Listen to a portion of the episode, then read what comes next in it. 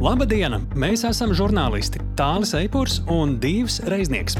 Mūs no sirds interesē, kas notiek Ukrajinā, kā notiekošais tur ietekmē notikumus šeit, kā mēs šeit varam būt noderīgi cilvēkiem tur.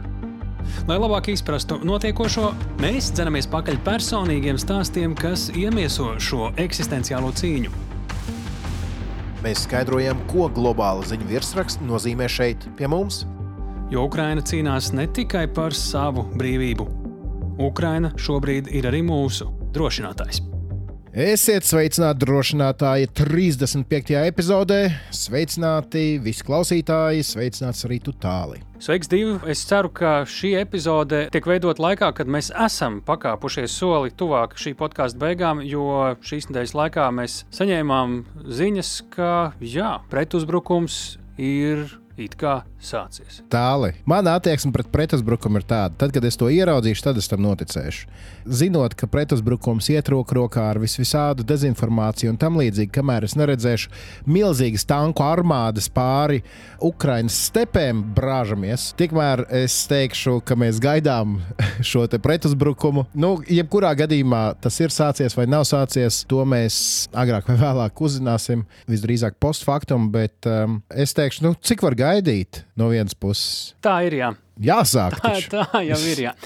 Bet par ko tu runā? Pastāst mums klausītājiem arī. Tātad uh, Ukraiņas prezidenta padomnieks Mihailo Podoļaks bija ielicis uh, tādu ziņu pretuzbrukums vispār jau kādu brīdiņu, kā ir sācies. Un tas nenozīmē celšanos uh, kājās visiem, kā tu pieminēji, došanos tankos un kājām pāri stepei. Tas nozīmē jau virkni dažādu sistemātisku darbību, kas kaut kādā veidā vai nu jau sāk vai sagatavo pretuzbrukumu. Tur tā robeža tajā tvītā bija iezīmēta gan izplūdusi, un līdz ar to, jā, es tāpēc arī šo epizodi tā arī saku. Jo mēs nesaprotam to brīdi, un Tas pat ir ļoti labi. Jebkurā gadījumā šī Mihailo Podoļaka vēsts publiski pirmā no augstas Ukrainas pietiekami amatpersonas klātesošas cilvēku procesos izskanēja. Nu, tas, protams, sapurināja daudz cerības. Man, protams, radās jautājumi, vai tas tiešām nav tāds vairāk propagandas, Ukraiņas propagandas žests. Jautājums, kam tas tad vairāk adresēts pašiem Ukraiņiem, lai viņi sasparotos, vai justos možāki un iedvesmotāki, vai varbūt Krieviem, ej, nu zini. Nē, nu skaties, mēs jau, man liekas, pirms nedēļas vai divām, tad, kad ar Ukraiņas armiju saistītās Krievu vienības iegāja Krievijas teritorijā, tad jau mēs ar Kristīnu spriedām,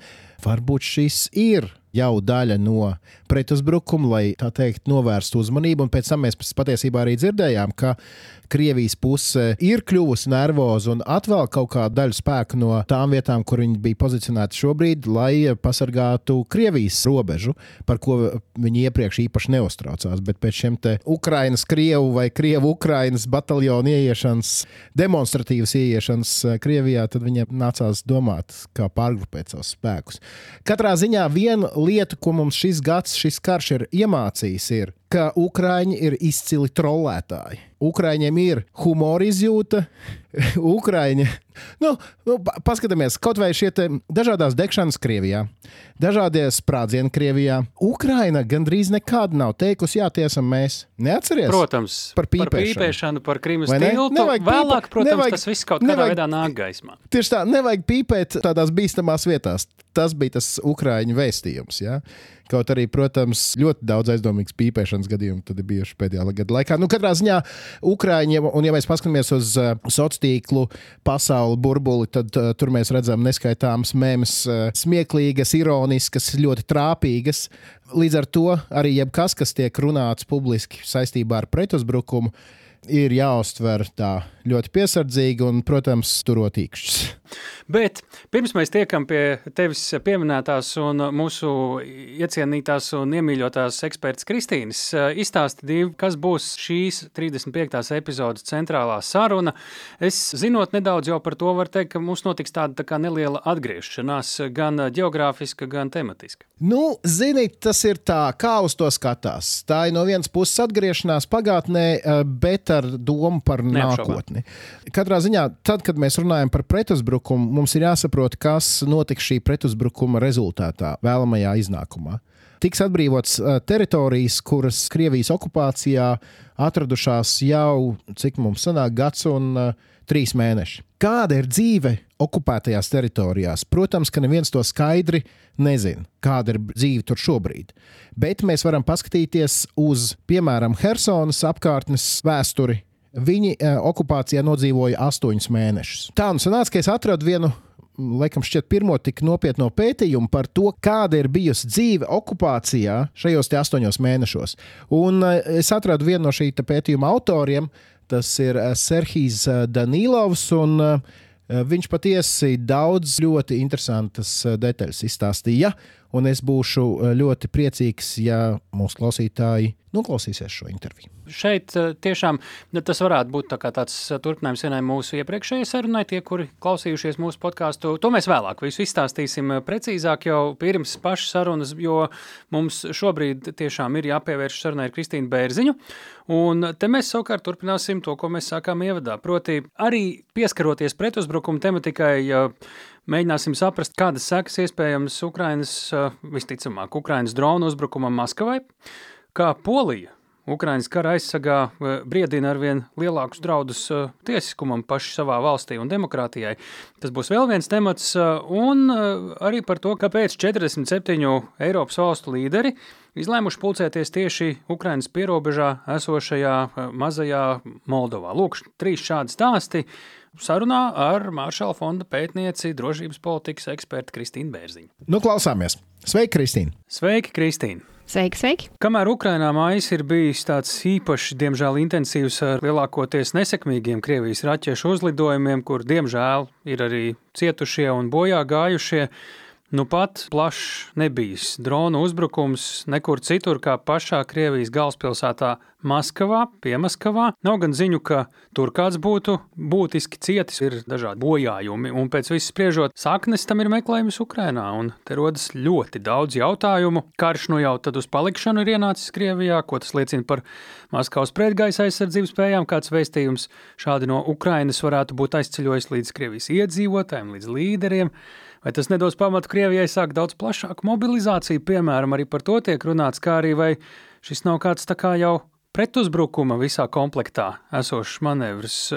Kas no šī, vai varbūt vēl kas pavisam cits tev, Kristīna, šķiet tāds pieminēšanas vērtākais pēc ziņām par šādu uzbrukumu? Jā, jautājumu ir ļoti daudz, bet ir svarīgi īpaši tas, ka acīm redzot, karš tagad ir sācies arī Krievijā un ka Krievijas parastiem iedzīvotājiem arī būs jādzīvo ar domu, ka varbūt viņiem nav droši naktī gulēt savos dzīvokļos, Tāpat kā jau Ukrainā tas nav bijis droši kopš pagājušā gada februāra un daudz vietu kopš Krimas iebrukuma. Dzīves realitāte sāk mainīties Krievijā. Un tam var būt pēc tam arī visādi rezultāti, un var mainīties arī karš dažādi, bet tīri psiholoģiskā līmenī. Pirmkārt, bija Belgorodas uzbrukums, tātad pierobeža Krievijai nav droša. Otrakārt, pat Maskavā vai Piemaskavā arī varētu nebūt droši. Tātad karš nav kaut kas abstrakts, tā nav tikai propaganda, vakara ziņās, tas neatiecās tikai uz tām ģimenēm, kur kāds dienē frontē. Tas ir kaut kas, kas var ietekmēt jebkuru un izskatās gandrīz jebkuru.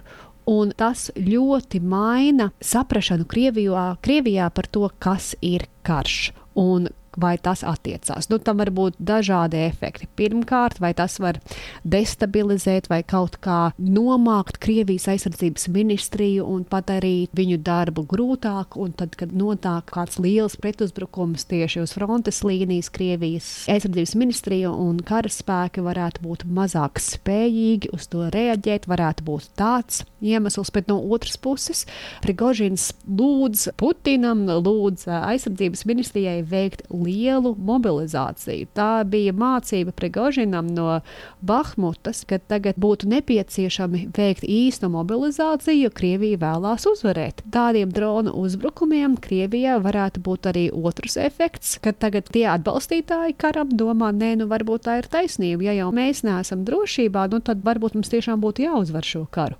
Un tāpēc varētu arī būt mobilizācija vēl lielāka, un tas atkal varētu ļoti negatīvi ietekmēt Ukrainu. Tāpēc, ka, lai vai kāda tehnika tagad Ukrainā ir iegūta, cilvēku skaits Ukrainai fundamentāli ir mazāks un rietumu sabiedrotie netaisās šobrīd sūtīt savus karavīrus. Šie drona uzlidojumi varētu no vienas puses palīdzēt Ukrainai radīt tādu nedrošības efektu vai novērst vadības uzmanību un tad lielāku triecienu varētu veikt uz frontes līnijas, bet no otras puses varētu arī būt nezināmi efekti, piemēram, attiecībā uz mobilizāciju vai arī attiecībā uz potenciālām eskalācijām. Tagad skatās, no kurienes ir nākuši droni. Piemēram, tas ir ārkārtīgi svarīgi, tāpēc, ka rietumu partneri ļoti nevēlas, lai viņu tehniku izmantotu uzbrukumos, kas ir Krievijas teritorijā. Būs jāskatās, kā tālāk, jo, protams, Ukraiņas interesēs nevienā vietā nav darīt kaut ko tādu, kas uh, samazinātu atbalstu no rietumu partneriem. Tiem, kas atbalsta Ukraiņu, nu, būs jāizlocās starp to, ka, nu, nu, protams, tas ir nestaisnīgi, ka karš ir tikai Ukrainā. Tajā pašā laikā jānodrošina atbalstu Ukrainai no rietumu partneriem, kuri ārkārtīgi baidās no eskalācijas. Nevajadzētu darīt kaut ko tādu, kas liktu Krievijai justies tik apdraudētai, ka Krievija sāktu izmantot vai pielietot savus spēkus, kur ir tālajos ziemeļos, uz Baltijas jūras, citur, lai paplašinātu arī pārējās pasaules nedrošības sajūtu. Polija par demokrātiju tur aizvien vairāk savelkas tādi tumšāki mākoņi, nolemts veidot tādu tā parlamentu komisiju, kurai tur ir gan prokuratūras, gan drošības dienestu, gan tiesas pilnvaras, gan arī vai, kas ir ļoti tāds saudabīgs veidojums, un tā skaitā iespējas izslēgt no politiskās darbības cilvēkus, tā skaitā opozicionārus līdz pat desmit gadiem. Nu, tiesiskuma problēma Polijā nav jauns stāsts, bet kas mani dara bažīgu šajā visā, vai tas nevar kaut kādos pamatos ieplaisināt atbalstu Ukrainai, jo nu, šādi Polijas soļi nu, nekādi neveicina to saprašanos ar rietumiem, ar citiem Ukraiņas sabiedrotajiem. Un, Vai tikai šobrīd netiek izmantots tas Ukraiņas kara aizsaks Polijā nu, tā diezgan tādā nelāgā veidā? Kristīna, vai Manām bažām ir kāds pamats. Pavisam noteikti Ukraiņas aizsakts tiek izmantots, lai attaisnotu jaunās komisijas veidošanu un ļoti antidemokrātisko darbību valdībā. Pavisam noteikti. Īpaši ironiski ir tas, ka komisija tiek veidota, lai atklātu Krievijas ietekmi iepriekšējos gados. Tajā pašā laikā nav pēc tiesiskuma principiem veidota, un kur sekas e, īpaši, kas būtu pret opozicionāriem tagad Polijā priekšvēlēšana laikā, varētu būt dramatiskas un pat staļiniskas vai putiniskas. Tas ir pavisam nelāgi jaunums un, un nesakarīgs bet es neteiktu, ka tas varētu īpaši ietekmēt palīdzību Ukrainai vai Polijas ārkārtīgi svarīgo lomu ieroču un citas palīdzības ieviešanai tieši Ukrainā, tāpēc ka Polija ir svarīgākā valsts šobrīd Ukrainas palīdzības veicināšanā. Tur ir tik ļoti milzīgi ieguldījumi un infrastruktūra, kura no visiem sabiedrotiem tagad ir samesta kopā un ielikta tieši Polijā, lai veicinātu palīdzību no visām pusēm. Ukrainai, un lai to tagad, īpaši pirms pretuzbrukuma, lai šajā brīdī to visu tagad pārmestu uz citu valsti, man liekas, ka tas būtu tik ārkārtīgi loģistiski sarežģīti un tas tik ļoti negatīvi ietekmētu Ukraiņas drošību, ka principā tas nenotiks. Būs asi vārdi pret Polijas valdību, bet savā ziņā viņi ir ar savu lielo atbalstu Ukraiņai nopelnījuši kaut kādu imunitāti demokrātijas jautājumos, kur tā nevienā vietā nav pelnījusi. Milzīga mēroga, tiešām milzīga mēroga sanāksme šonadēļ tajā pulcējas 47 Eiropas valstu un valdību vadītāji. Turklāt tas notiek nekur citur, kā mazajā pēdējā laikā visai tādu vētrainu pārmaiņu piemeklētajā un ne tā kā ļoti drošajā Ukraiņas kaimiņu valstī Moldovā. Nu, un to visu sauc par Eiropas politiskās kopienas otro sanāksmi. Kristīna, kāpēc mums, Ukrainas un mūsu reģiona drošības dēļ, būtu jāpievērš uzmanība šai savā ziņā un gandrīz vai bezprecedenta sanāksmē, īpaši šādos apstākļos? Lielākais jautājums savā ziņā Ukraiņas karā ir par to, nu, kādēļ ir Ukraiņas karš. Vai tas attiecās tikai uz Ukraiņu, vai tas ir tāpēc, ka Krievijai tik ļoti vajag konkrētu Ukraiņu apakaļ savā lokā, vai Ukraiņas karš ir tādēļ, ka Krievija gribēja visas iepriekšējās, teiksim, pelēkās zonas, tā Eiropa, kura nav Eiropas Savienībā, Eiropa, kura nav NATO, lai būtu bez jautājumiem Krievijas pusē. Un mums ļoti daudzus gadus bija tāda pelēkā zona. Vēstulēs NATO pirms iebrukuma Krievija pauda neapmierinātību ar NATO paplašināšanos un sevi uztvēra par apdraudētu. Un tā rezultātā Krievijas mērķis ir ievilkt konkrēti Krievijas tajā nu, sfērā, principā impērijā, visas ne Eiropas Savienības, ne NATO valstis. Un ko šī sanāksme? Un šī sanāksme ir Moldovā. Un Moldova ir e, visapdraudētākā Eiropas valsts, kura nav Eiropas Savienībā un kura nav NATO. Un tad beidzot Eiropas valstīm, lielai vadībai ir atbilde. Vai, vai pelēkā zona nozīmē automātiski Krievijas vairāk sfērā, vai ne, vai ir iespējams būt tādā brīvā Eiropā, neesot Eiropas Savienībā un neesot NATO. Un ar šo sanāksmu, ar to, ka ir milzīgs atbalsts arī ar nenormāls finansiālais atbalsts, ir 4% no iekšējā koprodukta pēdējā gadā ir iedotas Moldovai, par, lai palīdzētu stiprināt drošību un enerģijas sektoru ar lielu finansiālu atbalstu, diplomātisko atbalstu un faktisko klātbūtni šonadēļ, Eiropa parāda Moldovai, bet arī Krievijai to, ka pelēkā zona nenozīmē, ka Krievijai ir tiesības uz to valsti. Pelēkā zona var tikpat nozīmēt, e, ka ir tāda brīva Eiropa ārpus Eiropas Savienības un ārpus NATO. Tas rada milzīgu spēka, tādu izpausmi, priekšstatu no Eiropas vadības.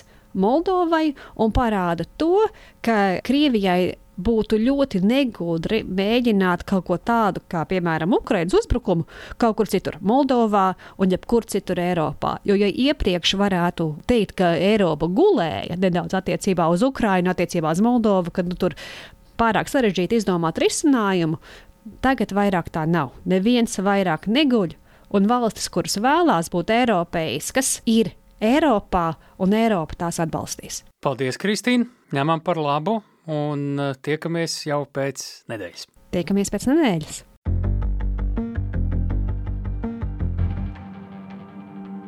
Paldies Kristīnai Bērziņai Vašingtonā. Paldies arī tev, Tāli. Un, jā, man te, protams, dažas piebildes. Es klausījos Kristīnas sacītajā par tiem pašiem droniem un to uzbrukumu Maskavai. Tur ļoti daudzas mazas niansītas likās tādas interesantas. Nu, piemēram, es pamanīju, ka ziņas nu, gan no pašiem krieviem, nevis no ukrāņiem, par pretgaisa aizsardzību. Un, bija tur daži video, kur tiešām izskatījās, ka kāds no tiem droniem arī tiek notriekts. Nu, cik tad īsti spēcīga vai varbūt tieši otrādi?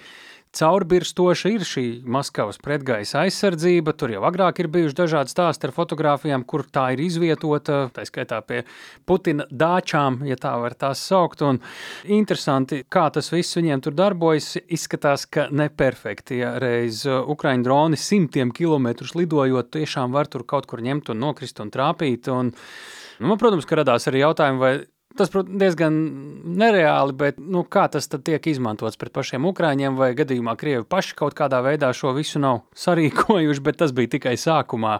Jā, un, protams, tas rada tādu tramīgu sajūtu, kā tad Krievija uz to reaģēs, kam šis varētu kļūt par atkal kārtējo ieganstu.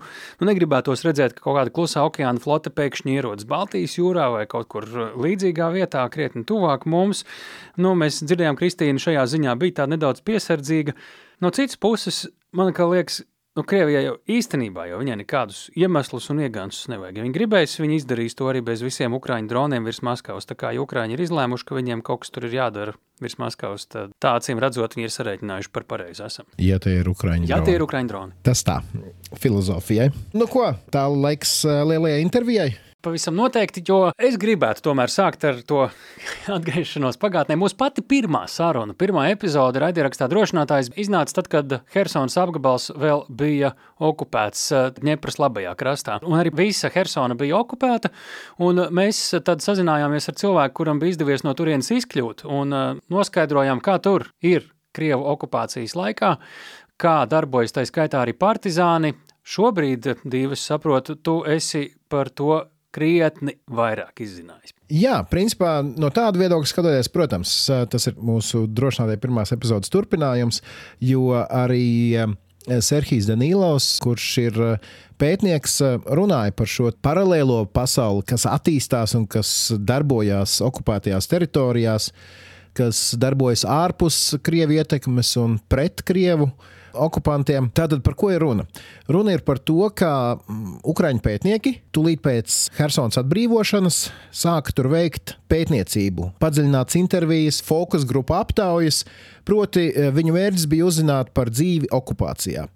Es visu nestāstīšu, bet vairākas interesantas detaļas gribu gan pieminēt. Piemēram, kāpēc Krievu pasaule neiedzīvojās tur lai arī Helsona bija starp tām pilsētām, kur eh, pirms kara nebija tāda ļoti, ļoti nosodoša attieksme pret Krieviju.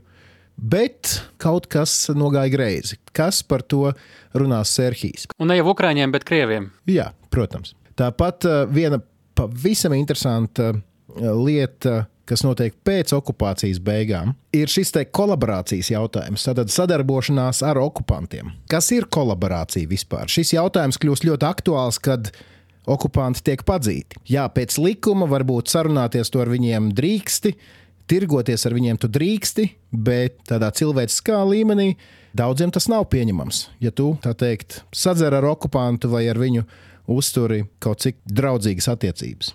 Kā ar šo jautājumu tiek galā Helsonā, par to mēs arī runājām. Atbildes nav vienkāršas. Un pēdējā lieta, ko es gribu pateikt, ir, ka šis pētnieks Serhijas Danilovs, ar kuru jūs līdz dzirdēsiet interviju, teica sekojoši, ka, lai tiktu vaļā no okupācijas sekām, ir jāpiet vismaz divu tik ilgam laikam, kā bijusi pati okupācija. Proti, ja mēs runājam tieši par psiholoģiskiem jautājumiem un, un tam līdzīgām lietām. Mēs gana, gana plašu tēmu loku apskatījām, un ceru, ka arī jums būs interesanti. Nu, atcerieties, ka kā jau visas intervijas, kuras mēs esam ierakstījuši kādā no svešu valodām, tad droši varat šobrīd paskatīties, kuru versiju 35. epizodē jūs klausāties. Ja vēlaties klausīties krievu valodā un virsraksts ir oriģināla valoda, tad jūs esat īstajā vietā. Ja vēlaties klausīties ar latviešu valodas tulkojumu, tad paliciet atpakaļ uz epizodu sarakstu un meklējiet to, kur rakstīts, ka ar tulkojumu. Klausāmies! Добрый день, Сергей. Добрый день. Вы один из авторов очень интересного расследования про то, как люди жили в оккупации на территориях деоккупированной Украины. Сперва, может быть, кратко расскажите, что это за документ и какие главные вещи вы узнали. Ну, практически через неделю после того, как Херсон был освобожден, мы приехали к нашим друзьям, привезли гуманитарную помощь, видели, что было на свободных уже землях на правом берегу речки Днепр Херсонской области. И с первого дня у нас э, появилась идея про то, что нужно немедленно диагностировать социологическими методами, как изменились люди, как изменились комьюнити, общины, города, села на освобожденной территории.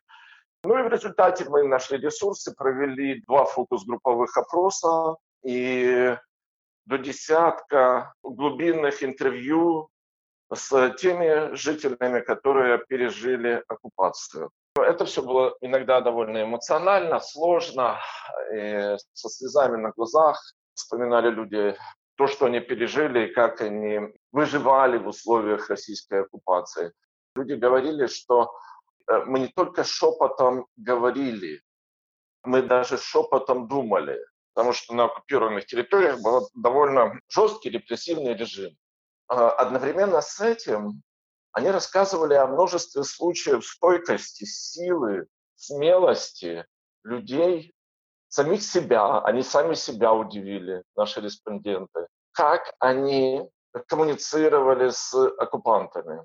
Целом россияне не ожидали, что их на Херсонщине так плохо встретят, и будет такое массовое сопротивление. Вы говорили, что вы приехали в Херсон там неделю после освобождения. Кто это мы? Мы — это наша команда Центра ближневосточных исследований, я, мои коллеги, Игорь Семиволос и Дмитрий Звонок. Мы привезли гуманитарную помощь, и самое главное, мы хотели встретиться с нашими друзьями, коллегами, партнерами, которые пережили оккупацию, обняться с ними и убедиться, что они целы-здоровы. Ну что ж, э, давайте поговорим про результаты вашего исследования. В нем э, очень много интересных подробностей об оккупационном опыте, но что бы вы сами выделили из всего этого, с чего стоит начать? Российская оккупационная политика привела к атомизации общества. Это означает, что каждый человек очень сильно сократил свои социальные связи. Если в нормальном состоянии человек общался с 20 людьми, то в оккупации ты всего боишься, и ты общаешься с пятьма, с четырьмя, а иногда только с одним человеком, самым родным. Потому что Главное, на что было направлено усилие российской репрессивной машины, это уничтожить доверие между людьми. Почему? А потому что люди, которые не имеют доверия друг к другу, не способны на коллективное действие, не способны на сопротивление. Они становятся послушными. Люди, которые никому не верят, легкая добыча.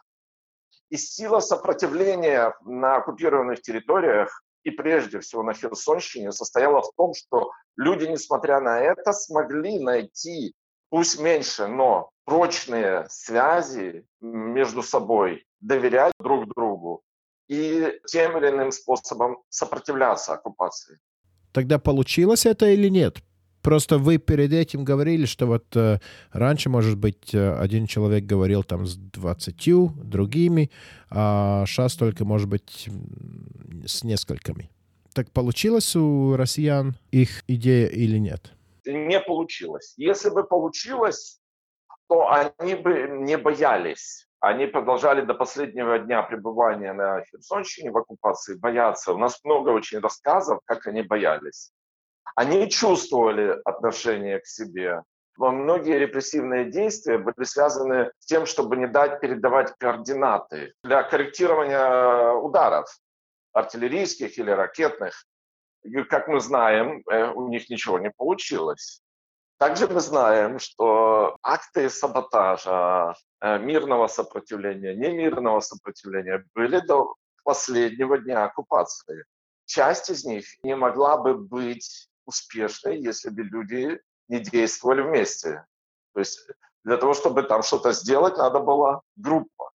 Это раз. Во-вторых, под оккупацией русские получили параллельное государство. Украинское государство, либо украинское общество создали параллельную структуру, которая действовала вне их, против них. Это большое волонтерское движение, которое обеспечивало какую-то часть, не всех, но какую-то часть самых нуждающихся людей для того, чтобы они не шли получать российскую пенсию, российские деньги, российскую гуманитарную помощь. Были налажены каналы, по которым передавалось либо покупалось лекарства для тех, кто имеет хронические заболевания, продукты питания, предметы гигиены в одном из сел, где мы делали исследования, они обеспечивали до 350 людей. Это подпольная фактически социальная служба, которая помогла этим людям не идти на поклон к оккупантам. Ну, я понимаю, что это одна из этих дилемм. Когда территории были освобождены, тогда начался разговор о том, если ты брал чего-то от русских, или это гуманитарная помощь, или пенсию, или что-то такое. Ты предал Украину или не предал Украину? Потому что, может быть, если ты не взял бы эту еду, ты, может быть, умер от голода. Но кто-то другой, может быть, и умер от голода, потому что не взял, потому что не хотел взять. Это сейчас большая проблема, такие моральные дилеммы, когда вот оккупанты прогнаны, а мы остались. Так, это большая проблема, безусловно. И это то, что надо будет дальше исследовать и искать выход, потому что это ослабляет местное сообщество. Для значительной части э, тех, кто пережил оккупацию, предателями либо коллаборантами есть все, кто взаимодействовал с русскими. И это там, дружеский разговор, торговля, например, Русские крали свое топливо с боевых машин и продавали нашим гражданам. Наши продавали им, там, например, продукты питания или алкоголь. И вот сейчас эти люди, они не попадают под действие криминального кодекса. Но в местных сообществах часть местных жителей считает их коллаборантами. И это напряжение, оно разное. В разных населенных пунктах в зависимости от э, жестокости оккупационного режима, но оно принципиально не отличается. То есть есть часть, которая осуждает, которая говорит, что я не хочу теперь с ними жить в одном населенном пункте. Они предатели, они коллаборанты. А нету в Украине такое вот понятие, вот это коллаборантство, а это просто выживание? Или этот путь еще только будет найден? Или никогда не будет найден? Я думаю, будет по-разному. Где-то будет найден, где-то не будет. Где-то эта дискуссия будет отравлять местную социальную жизнь. Как бы, если идти по закону, надо отталкиваться от закона. В законе это не криминализировано. Правильно? То есть никакой ответственности люди не несут. Более того, у нас есть достаточно свидетельств, что люди пожилого возраста, пенсионеры, брали российскую пенсию, брали все возможные выплаты у россиян, они получали. И отсылали эти деньги через банковские переводы на счета украинской армии, либо на счета фондов, которые э, помогают э, украинской армии. И таких примеров много. Потом есть другие свидетельства. Тоже люди пожилого возраста, они говорили, мы брали специально, чтобы они больше тратили ресурсов э, на содержание. Мы хотим, чтобы они тратили эти деньги, а мы их будем использовать так, как мы хотим. Условно говоря, помогать партизанам этими деньгами либо вооруженным силам. И это не одинокий случай, это не единичный. У нас много свидетельств того, это не массово, не так, что, знаете, там половина, и не один, и не два, и не десять, а сотни, а может быть тысячи. Нету такого, что в освобожденных территориях люди берут закон в своих руках и делают э, такое правосудие, какое им считается правильным. Из-за того вот э, нет этих границ, вот сказать, вот ты коллаборант, ты не коллаборант, если ты как будто закон не приступал. Ну... Это война, да? Я оставлю без комментариев, но кое-что я расскажу. А, есть э, общественное осуждение, безусловно. Но надо понимать, что на органы безопасности большая нагрузка. Это надо много расследовать преступлений которые совершили русские, и преступления, которые коллаборанты совершили, не, не всегда успевают найти всех коллаборантов, на кого-то там недостаточно э, собранного материала. Мне кажется, что иногда коллаборантам лучше самим попроситься в тюрьму. Они будут целее, я так скажу. Но есть, безусловно, общественное осуждение, то есть э, людям пишут на заборах, на воротах, оскорбления заслуженные. Им отказывают в социальной значимости, им указывают на их преступления, либо на их э, негодное поведение во время оккупации. Вот. Безусловно, общественное напряжение есть, и в какой-то форме оно выливается в, в такие разные способы это показать. Еще одна важная тема коммуникации. Я так понимаю, что ваше исследование показывает, что живя в условиях оккупации, очень важно знать, что происходит снаружи, что происходит на самом деле, да?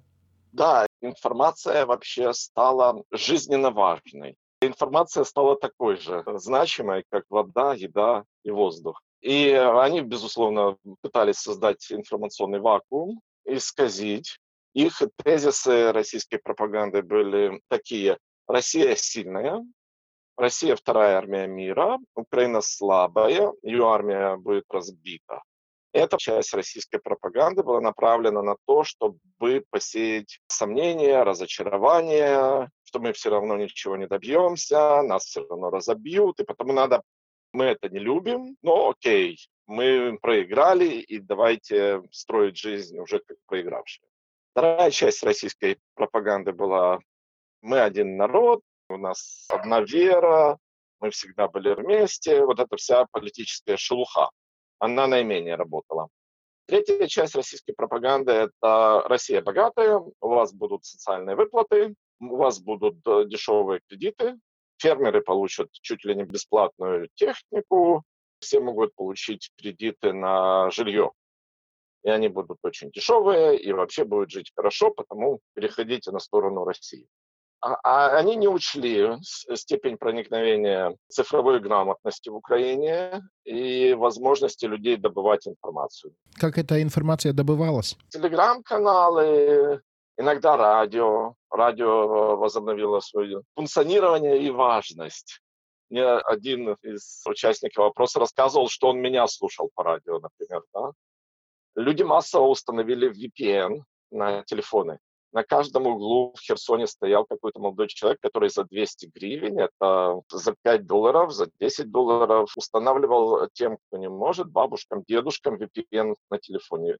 VPN на телефоне были у всех. Да, русские их постоянно глушили, но люди постоянно ставили новые, и какая-то часть из них работала.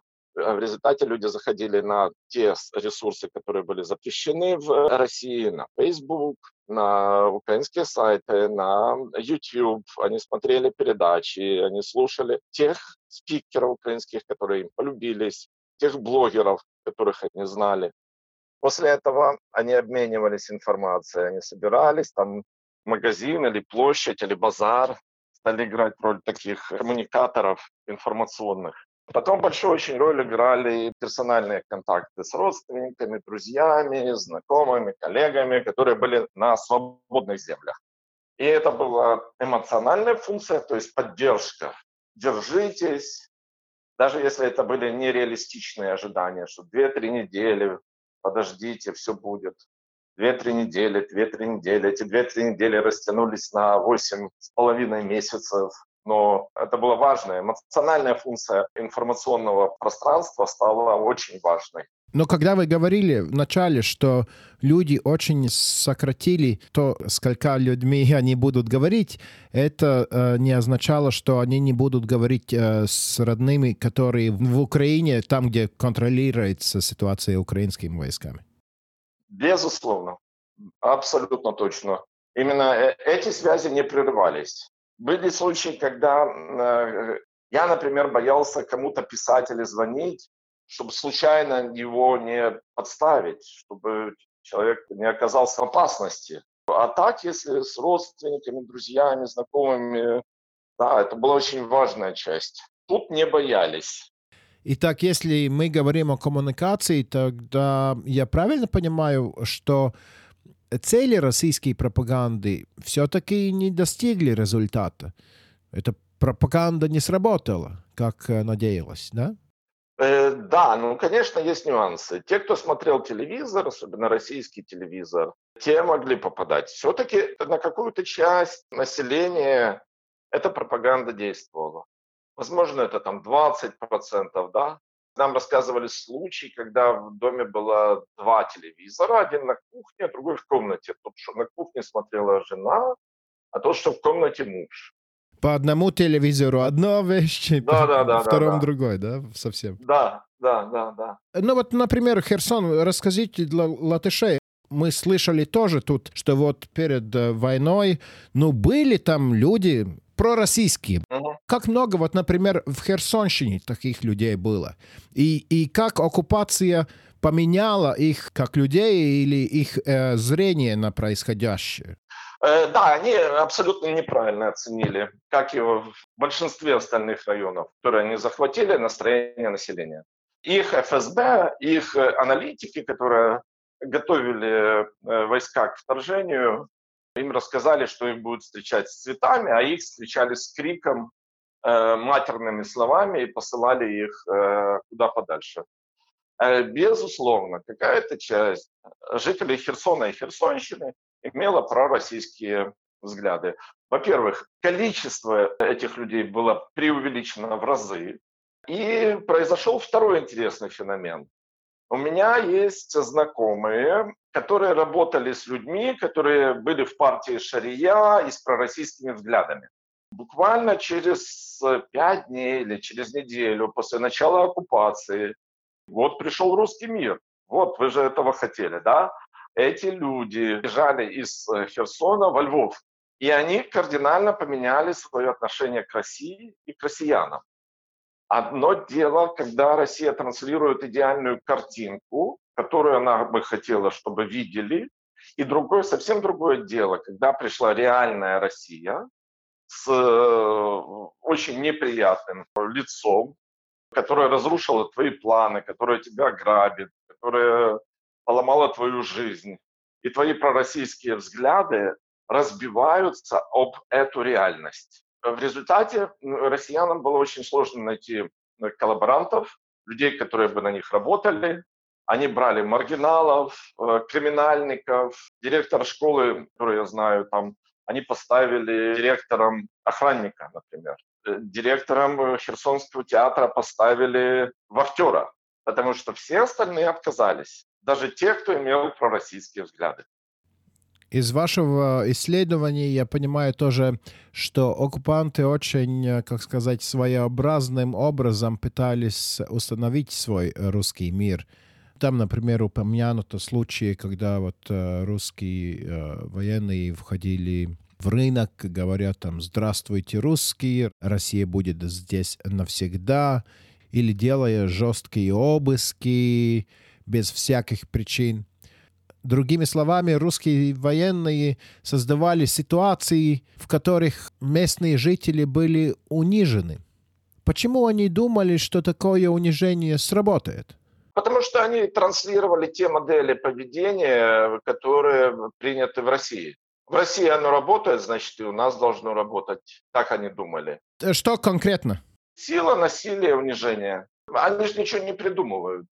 Они же переносят свои все способы, все методы из э, того, что делают в России, сюда, у нас на оккупированной территории. Почему это не работало? Не работало, потому что люди сопротивлялись. У нас э, там один интересный пример есть. Одна бабушка каждый день ходила по селу одной дорогой.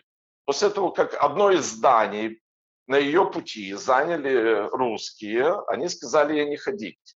Она устроила им скандал, сказала, я тут ходила, это моя земля, и я не буду вас слушаться. И вот это вот сопротивление тому, как они устанавливают правила. Если бы это был гражданин России, он бы не спорил с ними. Они были в шоке от того, что над ними смеются. Они были в шоке от того, что с ними не переходят на русский язык. У меня один из случаев есть описанный, когда пришли, там муж с женой, вот пришли эти русские, а она не переходит на русский. И солдат стоит на нее смотрит. И муж спрашивает, по-русски уже его спрашивает, а ты понимаешь, что она тебе сказала по-украински? Он говорит, ну не совсем. И вот это вот на каждый миллиметр прав, которые отстаивали наши граждане, привел к тому, что они чувствовали себя э, неуверенно. Но делали они это так, как делают в России. То есть они выбивают двери. Э, например, мне рассказывали случаи, они пришли там, взламывают дом, они хотят делать обыск. Выходит соседка и говорит, там никого нет, они уехали. Зачем ломать двери? Давайте я вам открою их. У меня есть ключи. Они мне оставили ключи. Те говорят, нет, у них написано ломать. Они их ломают. Ну и очень много описаний ужасной бытовой культуры россиян, когда они гадят, ломают, бьют, стреляют по вещам каким-то, делают какие-то вещи, которые непонятно. Это агрессия, которая присутствует в российском обществе и которую э, вы в Латвии, мы в Украине не видели, сидя у себя дома, да, то, что происходит у них дома. И эта агрессия умножается на это сопротивление. То есть они понимают, что все не так. Но в ответ они только отвечают на это агрессией.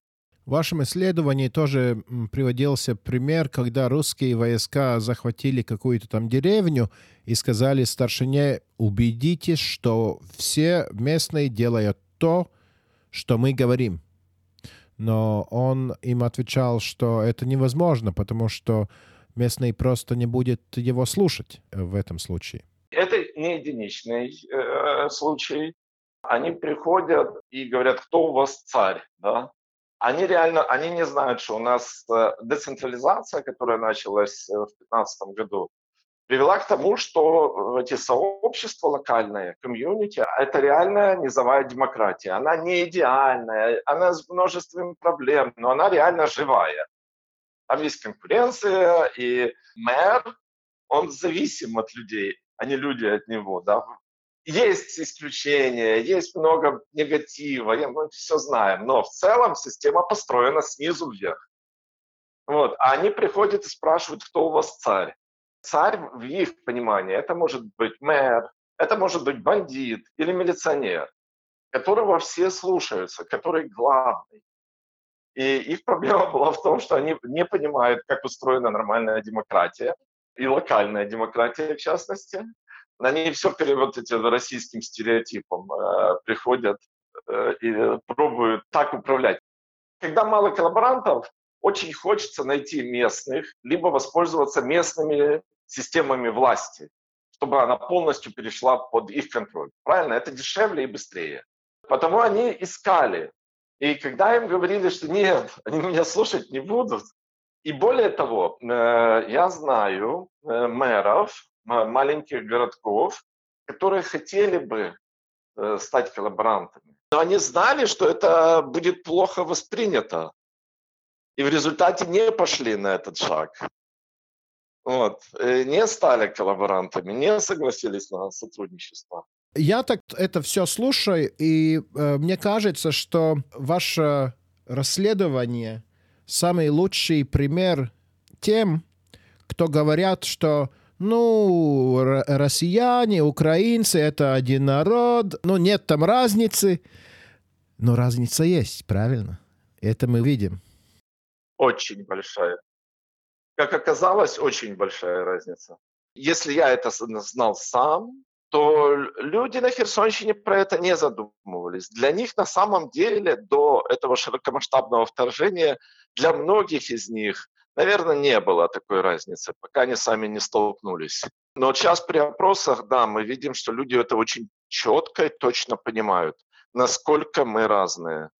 Мы спрашивали, как вы видите, можно ли будет как-то вот жить, общаться. И все они взаимоотношения двух государств видят через личную историю. И в этой личной истории России больше не существует. Они не хотят ничего, кроме ров с крокодилами, пулеметы и пушки на границе, и больше ничего. А есть там какой-то урок для Латвии? Поясню. Просто у нас есть популяция тех, которые очень любят Путина, всегда за Россию, очень возмущается, когда мы говорим про оккупацию Латвии, или там возмущается, когда падает э, памятник оккупации оккупантам. И мы, латыши, не можем понять одно. Но если вам так нравится Россия, если вам так нравится Путин, ну почему же вы себя так э, ущемляете и живете тут, если вам тут э, так не нравится?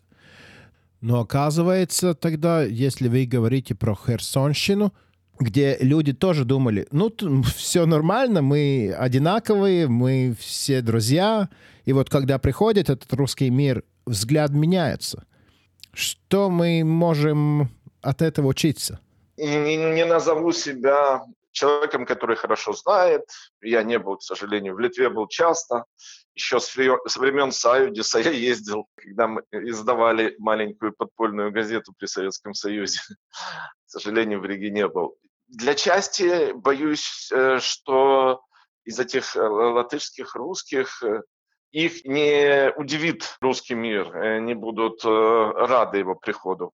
Надеюсь, я ошибаюсь. Я думаю, что усилия все равно по тому, чтобы показать, как это на самом деле происходит. Я думаю, что надо рассказывать и показывать, как российская оккупация прошлась катком по всех в Мариуполе, безусловно, было гораздо больше людей, которые ждали русский мир. У меня э, есть, к сожалению, уже покойная э, знакомая, которая сначала потеряла сына, а потом и сама погибла под российской бомбой. И за год до вторжения она с пеной у рта доказывала, что и русский язык хорошо, и связи с Москвой хорошо, она тренер была в общественных организациях. И она говорила, что мы не правы, когда мы рвем все связи с Москвой, мы должны поддерживать, мы должны как-то взаимодействовать. И она была такая роскоцентричная.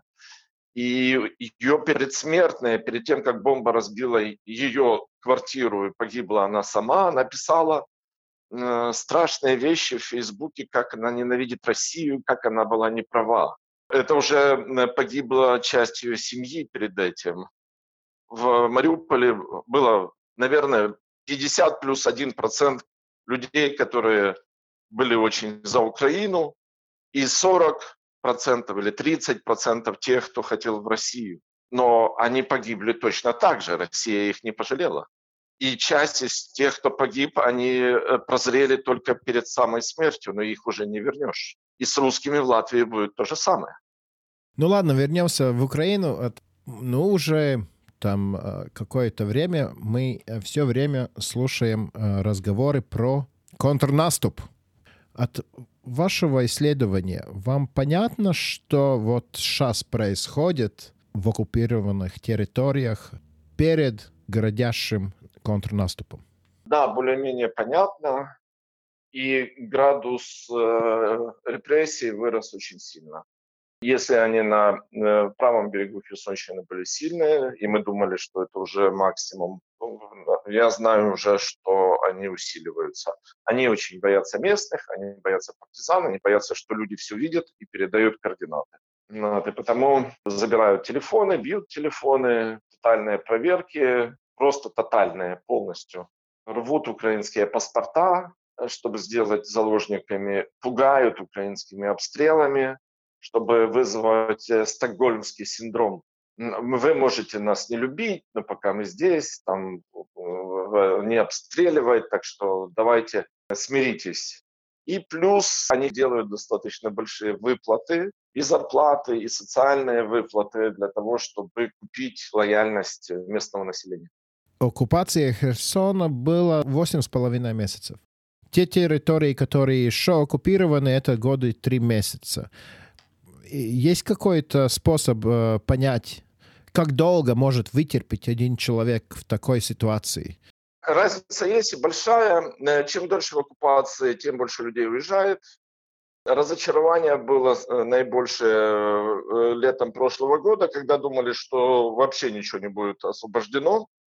И когда и в Херсоне у многих пропала уже надежда. После освобождения Херсона все-таки ситуация сильно изменилась. Ну и люди голосуют ногами. Выезд очень-очень сильный. Если не можешь терпеть, надо найти деньги на выезд и через Россию, через Крым пробовать убежать в Европу. Это единственный выход. И этот поток продолжается. Вот это интересно, потому что э, в Латвии мы тоже знаем организации, которые там волонтеры наши работают на границе России и Латвии.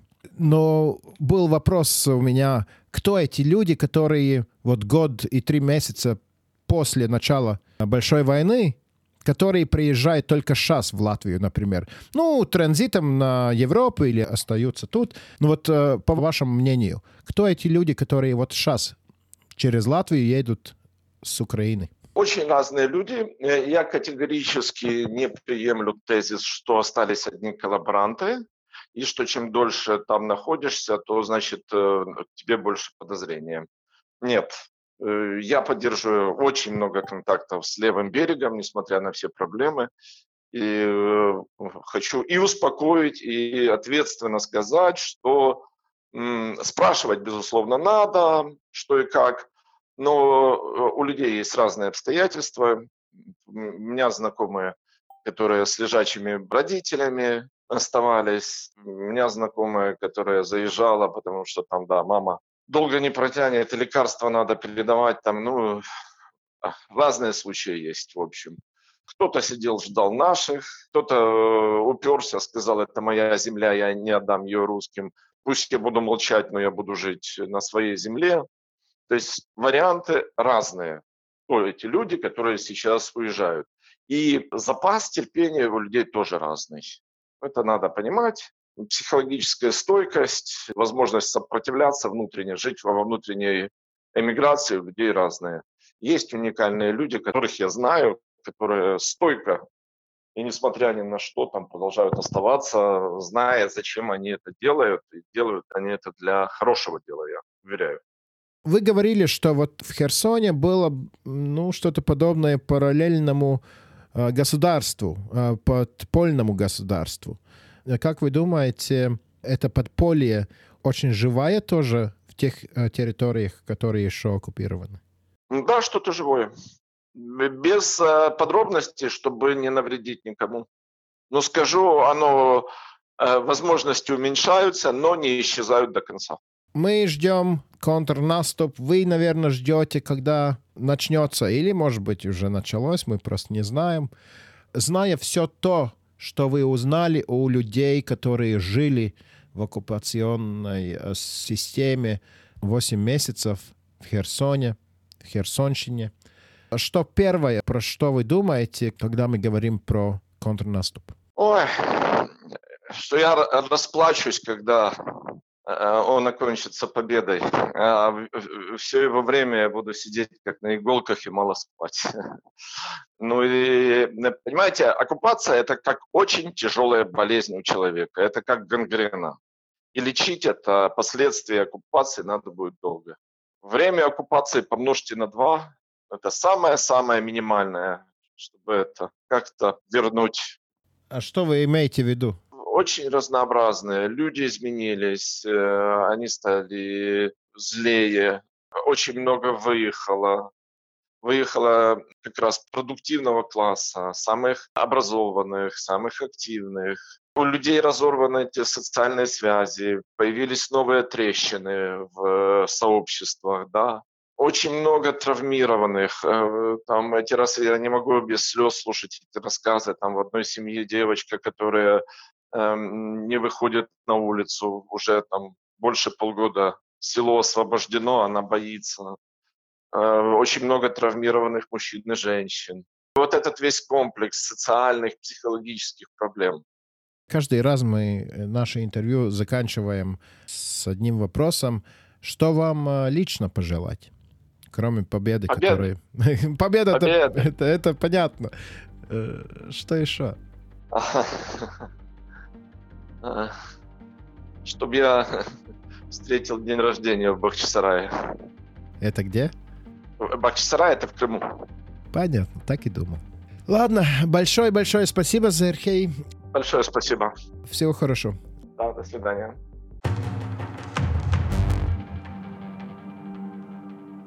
Paldies, Dīva. Man liekas, ka šī bija tiešām ļoti izzinoša saruna, kas rada tiešām priekšstatu par to, ko nozīmē karš Ukrainā, ko nozīmē okupācija. Es atceros, tu gan šīs intervijas pieteikumā, gan arī pašā sarunā parādījās, ka Lai tiktu vaļā no okupācijas sakām, ir jāpiet divu tik ilgam laikam, kā ir bijusi pati okupācija. Nu, tas man momentā noklikšķēja ar situāciju Latvijā, 50 gadu okupāciju.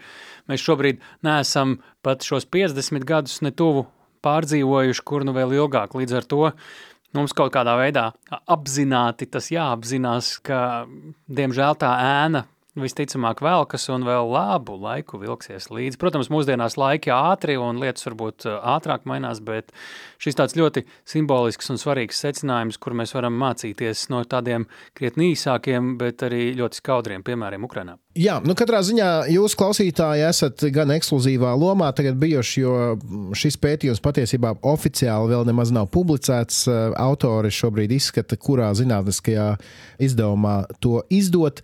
Bet jā, nu šis ir ļoti svarīgi, un ja jums šķiet, ka kādam citam arī šī saruna būtu jādzird, Es būtu priecīgs, un tāls arī būtu priecīgs, ja jūs padalītos ar mūsu raidieraksta saitēm, ne linkiem. Nu, varat padalīties arī ar tvītiem, ko mēs ietvītojam un liekam arī Instagramā ziņas par mūsu tematiem dažādiem un sarunām. Ar to var dalīties, tur ir visvienkāršāk šajā ziņā. Sekojiet divam reizniekam, tālim eipuram. Ja? Jā, tālim eipuram, divam reizniekam, Latvijas Rādio, LSMLV, protams, ka kā vienmēr rakstiskā intervijas versija. Nu, es gribu pateikt, ka jebkurš īkšķītis sirsniņa un dalīšanās eh, nāk par labu tam, lai pēc iespējas vairāk cilvēku sadzirdētu par šo podkāstu. Eh, mēs gribam dzirdēt arī jūs. Droši turpat sociālajos tīklos rakstiet mums par tematiem. Rakstiet arī, man patīk teikt, tā kā ir rakstīts drosinātais at Latvijas radio LV. Eh, tur arī mēs saņemam jūsu ieteikumus, jautājumus, precizējumus un tam līdzīgi. Nu, un atcerieties, ka tiem, kuriem varbūt patīk klausīties ētera versiju, kuriem raidieraksta formāts nav pieejamākais katru ceturtdienu, 16.45 un pēc tam 23.15. ētera versija. Tur gan tikai saruna ar Kristīnu Bērziņu, bet arī tas nav maz. Tieši tā, šai reizei tas arī viss. Drošinātājs tas ir skaidri un personīgi par kāru Ukrainā, ja vien runa nav par Ukrainas pretuzbrukumu. Tur nekas nav skaidrs un nekas nav droši.